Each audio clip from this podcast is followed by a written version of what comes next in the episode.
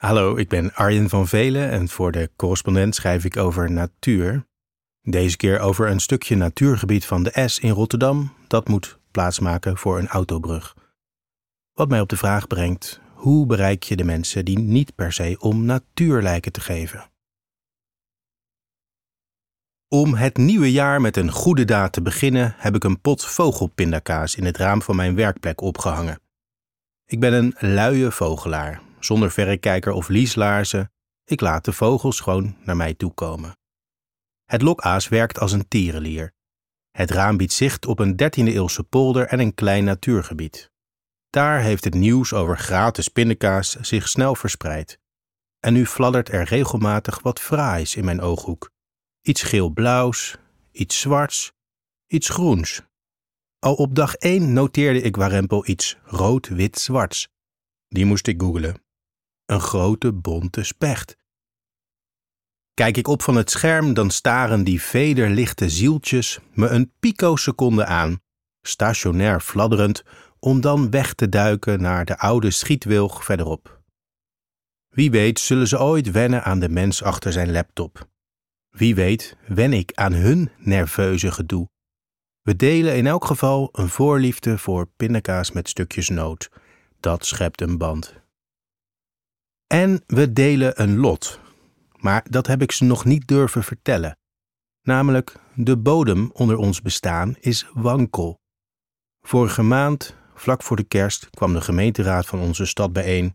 Namens mensen en vogels moest er een knoop worden doorgehakt, komt er wel of geen nieuwe brug in Rotterdam. Aan beide oevers van de Nieuwe Maas zullen namelijk veel nieuwe huizen bijgebouwd worden. En om ervoor te zorgen dat de toekomstige stadsbewoners de rivier makkelijk kunnen oversteken, moest er een brug komen, vond het college.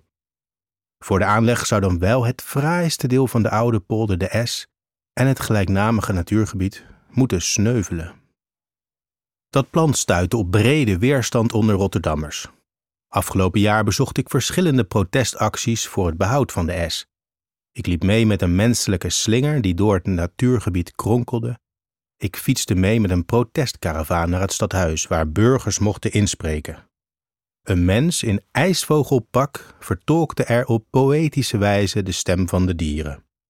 Citaat: Het is toch van de zotte dat alle natuur moet oprotten voor een steile brug, zo zong die ijsvogel.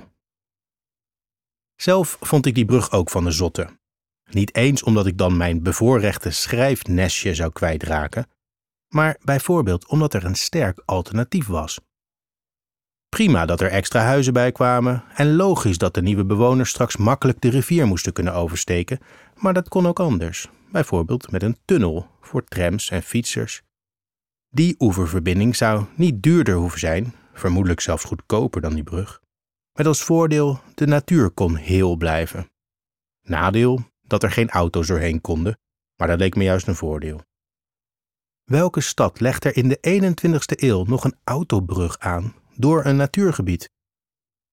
Rotterdam dus. De raad stemde voor de brug. Rotterdam krijgt een brug die bijna niemand wil, kopte Dagblad Trouw. En nu kan ik mopperen dat het een heel dubieuze raadsvergadering was. Het belangrijkste deel, over wie de financiële risico's van de brug moest dragen, was namelijk geheim. Citaat: Pers, publiek en zelfs de bodes moesten de zaal verlaten, al dus de lokale zender Rijmond in een verslag. En ik kan me beklagen over alle valse dilemma's waar de voorstanders van de brug mee op de proppen kwamen. Zoals, citaat, U maakt zich alleen maar druk om de bijtjes, zei een raadslid van de grootste coalitiepartij Leefbaar Rotterdam bijvoorbeeld in debat met de Partij voor de Dieren. Maar of mijn kleinkind straks nog een huis kan vinden, vindt u niet belangrijk. Ik dacht alsof het voor dat kleinkind niet van levensbelang zou zijn om in een wereld te leven waarin er en huizen en bijtjes waren. Maar goed, het feit was, kennelijk waren al die protesten en al die tegenargumenten niet overtuigend geweest. Laatst schreef ik nog dat het zo mooi zou zijn om de hele rivier te bevrijden uit haar menselijke keurslijf. Maar het was kennelijk niet eens gelukt om dit laatste groene snippertje te behoeden. Enfin, daar pijns ik nu over terwijl ik uit het raam tuur naar dat 13e eeuwse rivierlandschap dat moet verdwijnen.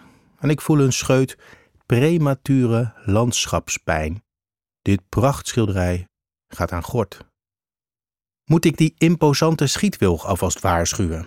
Dat hij in de lente net zo goed niet kan uitbotten, omdat hij over een aantal jaar ringen toch ontworteld zal worden. Schep ik geen valse verwachtingen bij de koolmeisjes door ze te verwennen alsof ze hier eeuwig in luilekkerland zullen leven? Ben ik zelf geen overdreven nostalgicus?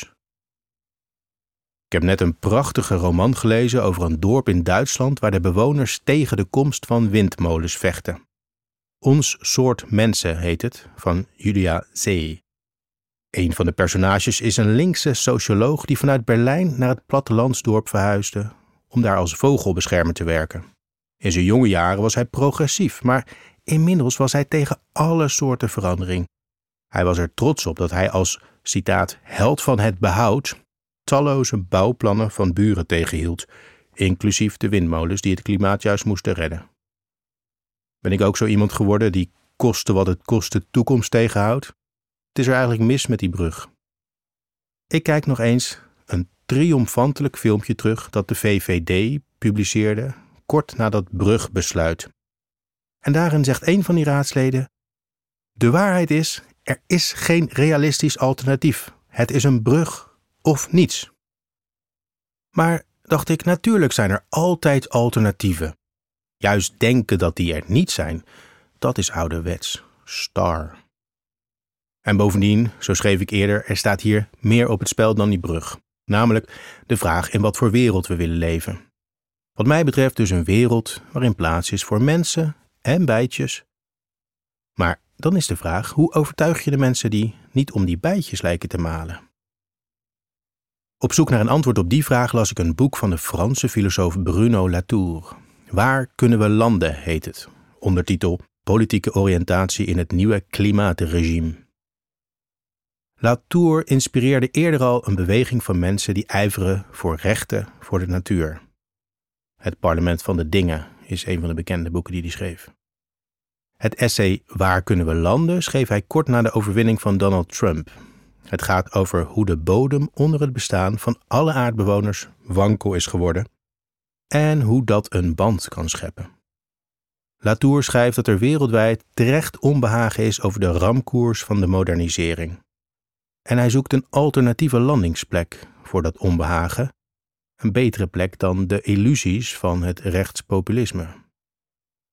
Een prijzenswaardig project, maar na twee en zelfs drie keer lezen begreep ik eerlijk gezegd steeds minder van wat Latour eigenlijk wilde. Ik ben te dom of te slim voor filosofie. Maar gelukkig mag je als lezer ook gewoon als een gretig koolmeesje alleen de lekkerste nootjes uit een tekst pikken. Zoals dit nootje. Latour benadrukt herhaaldelijk dat de mensen die we bijvoorbeeld klimaatontkenners noemen, decennia lang misleid zijn door de gevestigde politiek. Die hield hen namelijk voor dat we op de goede weg zaten, dat er in de toekomst genoeg pindakaas en auto's en spulletjes zou zijn voor iedereen. Dat de aarde het allemaal best aankon, zolang we maar doorgroeiden. Intussen groeide de ongelijkheid en kraakte de planeet. Een citaat van Latour in de vertaling van Rokus Hofstede. Laten we, voordat we gewone mensen ervan beschuldigen dat ze geen waarde hechten aan de feiten waarvan de zogeheten rationele mensen hen willen overtuigen, beseffen dat ze misschien elk gezond verstand kwijt zijn, maar dat ze ook grandioos zijn verraden. Dat besef, we moeten mensen overtuigen die verraden zijn, leek me inderdaad vruchtbaarder dan al die stemmers op rechtspopulistische partijen weg te zetten als idioten. Nog een voedzaam nootje vond ik in een essay van de Amerikaanse schrijver Jonathan Franzen. Het heet The Problem of Nature Writing. Franzen is een groot vogelliefhebber, maakt zich ook zorgen over de toestand van de wereld van de vogels en leest graag boeken over vogels. Maar veel natuurboeken gaan ervan uit dat de lezer ook wel van vogels zal houden en zich ook wel zorgen zal maken over de teloorgang van de natuur. In werkelijkheid is dat niet per se zo, stelt Franzen terecht. Veel mensen hebben niets met vogeltjes en bijtjes. Wat zijn precies de mensen die je wilt bereiken? En je bekeert ze niet, schrijft hij, met vogelverhalen. Je zou je juist moeten richten op het publiek dat nog niet om is. En zoiets geldt denk ik ook voor veel klimaatacties. Ze bereiken niet de mensen die je juist wilt bereiken. Sterker, ik kan me voorstellen dat mensen die in de file staan door een A12-blokkade en die wellicht een bondgenoot hadden kunnen zijn, juist van de goede zaak vervreemd raken. Hoe bereik je die natuurhater dan wel? Franzen schrijft: Een essay dat begint met Ik haat natuur ben ik veel eerder geneigd te lezen dan eentje dat begint met Ik hou van natuur. Daar ben ik het helemaal mee eens. En verder schrijft hij: Wil je het belang van natuur overbrengen, dan moet je niet alleen over die fraaie natuur zelf schrijven. Natuur is saai, zonder verhaallijnen. Schrijf liever over mensen, stelt Franzen. Mensen zijn altijd drama. Schrijf bijvoorbeeld over mensen die zich om vogels bekommeren. Daar zit ook wel wat in. Veel boeiender dan de koolmeesjes in mijn raam zijn de menselijke wezens die zich tegen die brug keren. Een bij elkaar geraapt zootje, zo op het oog. Jong en oud, links en rechts. Maar je zou ook kunnen zeggen, precies een alliantie waar deze tijd om smeekt.